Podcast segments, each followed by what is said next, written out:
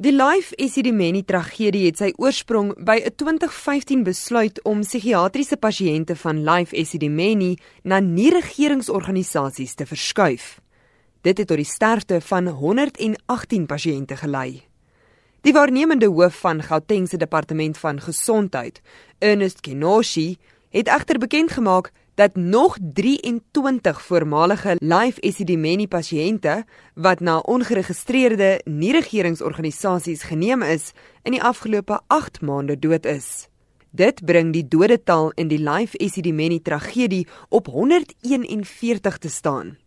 Kenoshi sê meeste van die sterfgevalle is weens natuurlike oorsake terwyl die pasiënte behandeling ontvang het by staatsgeriewe. If we add the number of 118 that had happened let me say by 1st of February and the 23 that have happened in the 8 months from the 1st of February till end of September the number becomes 1 for 1 if we continue to check them My on goodness. Most of them have had postmortems because it was uh, when we are aware of their illnesses, but we know that they varied from pneumonia to even pancreatic cancer in one case. Solidariteit Helpende Hand verteenwoordig vier van die gesinne wat deur die tragedie geraak word. Die uitvoerende direkteur van Helpende Hand, Dr Dani Brink, sê daar is twee aspekte van die afgelope week se verrigtinge wat vir hom uitstaan.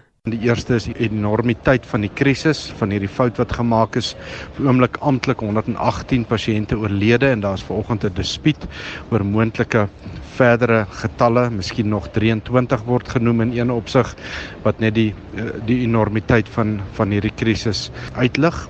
En dan die tweede natuurlik vir ons wat baie belangrik is na die week is dat die LER mevrou Mhlangu uh, verdwyn het en dat ons wonder waar sy is en dis belangrik dat sy moet kom getuig want dis vir helpende hand baie belangrik om te voorkom dat daar ooit weer so 'n ramp gebeur en ons hou met verwagting dop hierdie twee situasies uh, in die week wat kom.